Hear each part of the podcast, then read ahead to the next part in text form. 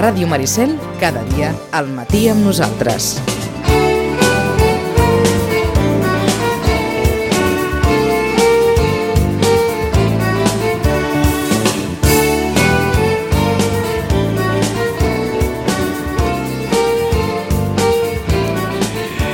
Deu i 3 minuts, com es nota que la pandèmia comença a passar perquè el gaudeix la festa ja comença a voltar. Dèiem, sempre vingui dalt i la pantalla i ara parlem d'això, però la festa es fa que sembla que, que hagi passat una eternitat, però fa quatre dies que estàvem amb allò de les cadires i les cadires a un metre entre elles i aleshores que hi hagi algú que vigili i que sobretot eh, totes aquelles coses. Recorden la festa major de l'any passat amb tot aquell cacau de les entrades i les cadires i tot això? Tot això ha passat a la història. Perquè en Xachi ha començat a voltar i hem d'entendre que ni a Lleida ni a Badalona la vida ja ha tornat a ser el més normal possible. Fixa't que van ser les dues que l'any passat van ser de les primeres que van posar a prova no, el, aquest sistema de les cadires, les, les famoses cercaviles o, o exhibicions de balls populars aforades i ahir la sensació era de total normalitat Imagina't tant a Lleida com a Badalona. Bon dia i bona hora. Bon dia i bona hora. Adéu, adéu-siau pandèmia, adéu tot. Sí, hi ha moltes coses que estan passant a la història. Ara quan arribava aquí a Sitges, Però sembla que hagin passat de cop i volta, eh? Mm. Que hem fet ras, va. Ara quan arribava aquí a Sitges, a lo millor m'equivoco, eh? però quan he arribat hi havia un grup d'escolars que eh, hi havia una persona que els hi estava explicant no? que eren els dibuixos que hi havia a terra i, i un, un dels escolars ha respost no? que eren els dibuixos de les catifes de corpus, molt bé i tot plegat. Però tota l'estona ho feien en castellà. Jo suposo que he passat a l'estona del 25%. Ah, Després, ara, quan... No ho sé, quan baixis, quan si tornes baixi, a trobar. A lo millor perquè- han tornat a enganxar el 25%, eh? però... Oh, això ha estat un comentari d'aquells...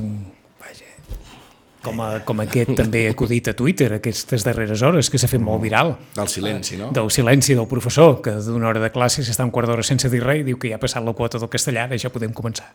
Eh? Que s'ha fet molt viral aquest, aquest tuit. Suposo que ni a Lleida ni a Badalona Sant Anastasi no té idioma. No, no té idioma, perquè avui el que sentirem són dues músiques o dos sons del paisatge sonor de la festa que estan calentets, calentets, perquè van ser enregistrats tal dia com ahir. Ahà. I, I així farem un recorregut musical, per dir-ho així, amb dues curiositats. Ja saps que a mi m'agrada portar allò a la pinzellada. I, I per què és festa major de Sant Anastasi? Coneixes algun Anastasi? Jo no conec no. cap. No, no, no, no. No en conec cap. No. En tot cas, Sant Anastasi va néixer a Lleida i va morir a Badalona, eh, amb tota una història no, de persecució dels primers cristians, eh, primer segle. Que va morir també martiritzat? Digue'm, Que va morir també martiritzat? diria que va morir, sí, ara no em facis dir, dic, no, no, va morir perquè cap com al que- 300 i alguna després de Crist. com que de martiris n'hi ha de tota mena, sí. eh, m'ho he, he suposat a partir del que deies. he dit primer segle, m'he equivocat, no? Va morir cap al 300 i alguna va viure aquesta època, eh, tot i que mm, diuen va néixer a Lleida i va morir a, a Badalona, però en tot cas si va néixer o si va morir, perquè és molt, és, forma part d'aquell compendi de sants que diuen, a lo millor se'ls van inventar mil anys després, no? de, per, per assimilació d'altres sants eh, que tenen la mateixa, la mateixa història. Ahà. Però si, si volem, comencem el, el Vinga. recorregut a Lleida, el farem cronològic. Ahir al matí hi havia doncs, l'anar d'ofici, la sortida d'ofici, no? com podem conèixer en el cas de Sitges. I han recuperat els trompeters. Ah, això és el que vas penjar a la història d'Instagram. Sí, uh, hi ha tot una... Hi ha, hi ha moltes ciutats, uh, jo crec que l'exemple exemplar, valgui la redundància, és Barcelona, on es conserven un, uns arals, uns macers, uns trompeters, eh, i en el cas de Lleida és l'únic lloc on han previscut sempre les trampes, que molta gent deu dir, què, què coi són les trampes? Doncs les trampes no deixen de ser unes timbales, no que anuncien el pas de la, de la processó. És, diguéssim, la manera oficial, no?, els arals que portaven les Sí. notícies, no? van anunciant el pas de la processó, aquest cop vestit Se'n diuen trampes a tot arreu? O és una denominació específica? No, se'n diuen a tot arreu, eh? diuen a tot arreu, són unes trampes. És a dir, el, els timbals que acompanyen Mhm. els trompeters eh, en el fons tot és un, no? Els arals, els trompeters, Paters. les trampes... Vols dir, tota la comitiva en si que anuncia... els massers, que és una cosa ja que coneixem més, no? les masses que representen el poder de la... No? Tot, tot, tot el compendi masses, sceptres, bàculs no? que poden representar poder, i en aquest cas doncs, han recuperat els trompeters amb una partitura antiga, vull dir, la partitura que sabíem que s'havia fet sonar, i per exemple, el que és molt conegut en el cas de Barcelona són les trampes, que ja no surten, però els, els, el seu vestuari el conserva l'Esbar Català, Català de Dansaires, eh, de les trampes i els arals, i per exemple feien una, una, un, un ritme, no? una percussió que era molt coneguda i fins i tot se li havia posat lletra. I la gent de Barcelona, quan passaven clar, penseu que pensaven, passaven les trampes i darrere hi passava tota l'administració local, tot el consistori. Per tant, I llavors cantaven trampes, trampes, tots són trampes. que bo! amb aquesta... Sí, sí, sí, esclar, aprofitant el ritme. La polisèmia de la paraula. Per tant, comencem a Lleida. Escoltem els trompeters i les trampes com sonaven ahir a Lleida passant just per davant de la paeria.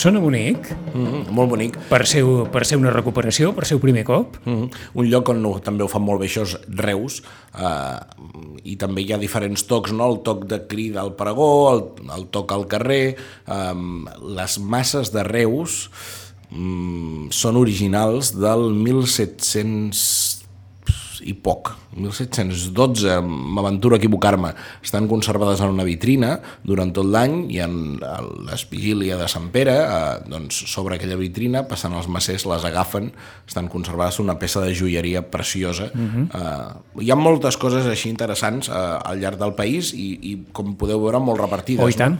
I, I en el cas de Lleida passa la comitiva i ja està? Darrere, darrere hi ve algú? No, o, o no? no? Penseu, sí, sí, penseu que davant hi va el seguici, no? diguéssim, Sí. els balls entremesos, i llavors darrere hi anaven doncs, els arals, la, la, els trompeters, la, les trampes, i darrere hi anava doncs, el consistori. I hi va haver un detall molt bonic. Però ahir, és que... que... és a dir, ahir darrere, darrere d'ell s'hi anava al consistori. Correcte, sí, sí, si no tampoc té gaire sentit. Per això, per això, però t'ho preguntava en el sentit de dir, s'ha recuperat tot, eh? tot, tot, i sempre hi ha anat al consistori a l'anada -huh. i la Ah. sortida d'ofici, igual que aquí. Però, en tot cas, um, un detall bonic d'ahir és que eh, es va fer l'anada d'ofici fins a la catedral, es va de la catedral es va fins a una altra plaça, no em feu dir el nom, però una plaça més gran que no pas la paeria, on es fa l'ofrena floral, a a Sant Anastasi, i allà els balls fan una espècie d'entrada, no? per dir-ho així, ballant tots alhora quan entra Sant Anastasi en aquella plaça, i d'allà els balls ja marxen, ja és el final, no? Però ahir hi va haver el detall que eh, el consistori va tornar amb les trampes i els trompeters i tot sol fins a l'Ajuntament. Un sol carrer, però a vegades els, ja sabeu que els simbolismes aquests són O importants. sigui, el recorregut va ser d'anada i de tornada. Sí, sí, van acompanyar en tot cas des de la, des de la paeria a tot arreu al consistori. Um, esclar, no s'ha arribat a substituir a Lleida eh, amb una banda, per exemple, el i- paper dels trompeters. Però la banda hi va darrere, la banda hi va i darrere. va al final. Sí, perquè en moltes poblacions, entre elles nosaltres, diguem-ne que la banda va davant Mhm. i, i la comitiva de, de les autoritats al darrere de la banda, però en aquest cas Lleida recuperat per Sant Anastasi. Vinga, què més? Mhm. No, eh, hem, hem, hem aguantat 10 minuts sense fer un exemple de Vilanova. A Vilanova hi ha el cas molt diferenciat Home, has aguantat prou. dels ministrers de la Vilanova, després el consistori i darrere la banda. No? Farien una mica aquesta funció. D'acord, d'acord, d'acord. I de Lleida a Badalona. A Badalona, del naixement a la suposada mort.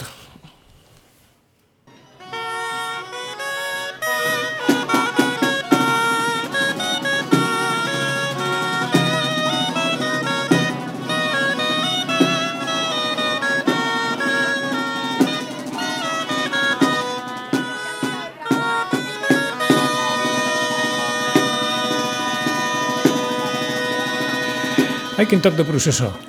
És un toc de processó, o tom de processó, diuen a vegades. Jo Tom quedo- de processó? Sí, jo em quedo més en toc.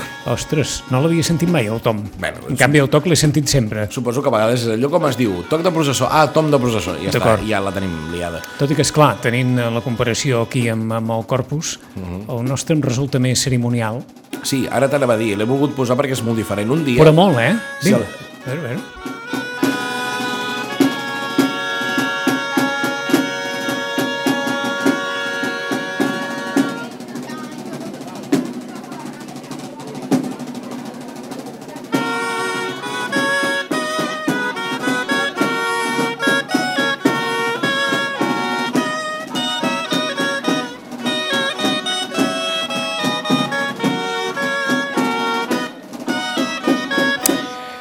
Que ho estàvem comentant però no ho direm en veu alta però ai, és que li trobo una, que li falta una mica de gas en aquest toc Vale. de processó Um, però, però no passa res Són estils diferents i cadascú li agrada, cada terra és fa sa guerra. és veritat, és veritat i estic massa, massa contaminat del del d'aquí segurament L'he volgut, volgut posar perquè és molt diferent el molt, d'aquí. molt i molt interessant I de fet, eh? un dia ja en vam parlar del toc de processó i vam posar eh, interpretat per gralles sitgetanes, per dir-ho així, no? Per, a l'estil sitgetà. I aquest és molt diferent, eh, bàsicament perquè les gralles són més llargues i es toquen d'una manera diferent i es pretenen coses diferents, no? Aquests són els grallers de Barcelona, que són uns nanos superjoves, que em foten una enveja tremenda perquè toquen perquè superbé. són joves o perquè toquen bé? Per les dues coses, mm. perquè, ostres, ser jove i saber eh, és una cosa, no? Uh, Oh, escolta'm, que Gaudeix la festa d'aquesta setmana parlaves amb una veterana Sí, 50 anys tocant la gralla, sí, sí. Però, uh, vull dir, oi que m'entens de dir, Sí, ostres, sí, qui sí. tingués 20 anys i la informació que tinc ara, no?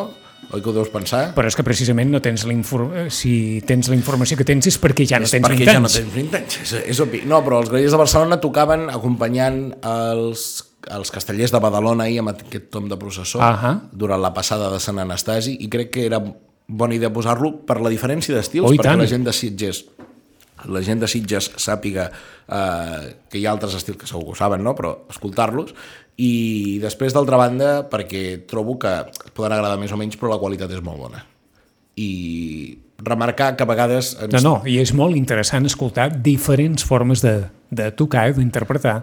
I només volia dir això, que al final a vegades ens tanquem molt el Garraf, el Penedès, el Camp de Tarragona i som els millors i, ostres, I tant els grallers de Barcelona a Badalona, acompanyant els castellers de Badalona, sense cap menyspreu, eh, a aquest, a aquests indrets i aquesta...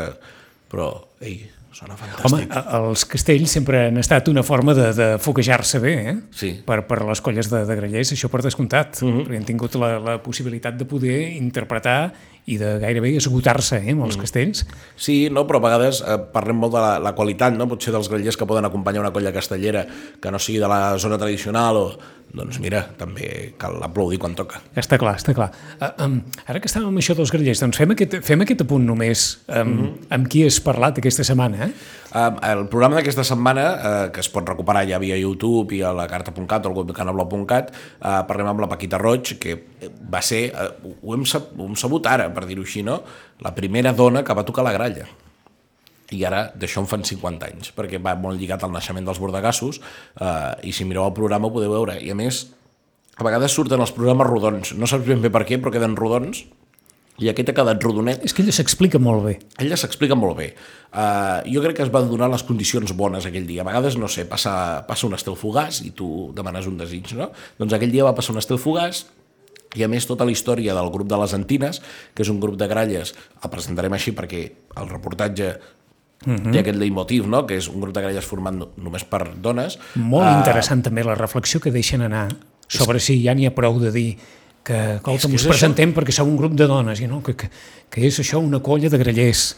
Eh, Deixeu les dones Fan- a un costat ara, perquè cada vegada la mateixa cançó. fan reflexions uh -huh. sobre l'instrument, sobre la disciplina, per dir-ho així, Sí, senyor. i sobre el seu conjunt.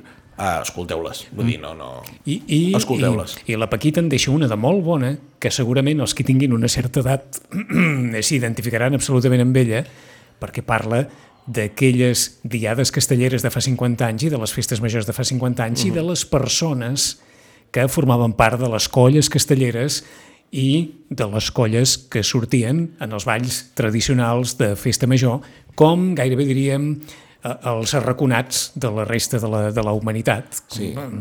I, Bueno, a vegades eren i- coneguts i- fins i tot, no sé si és una paraula que s'ha fet servir a Sitges, però jo l'he sentida diverses vegades, els poca-ropa.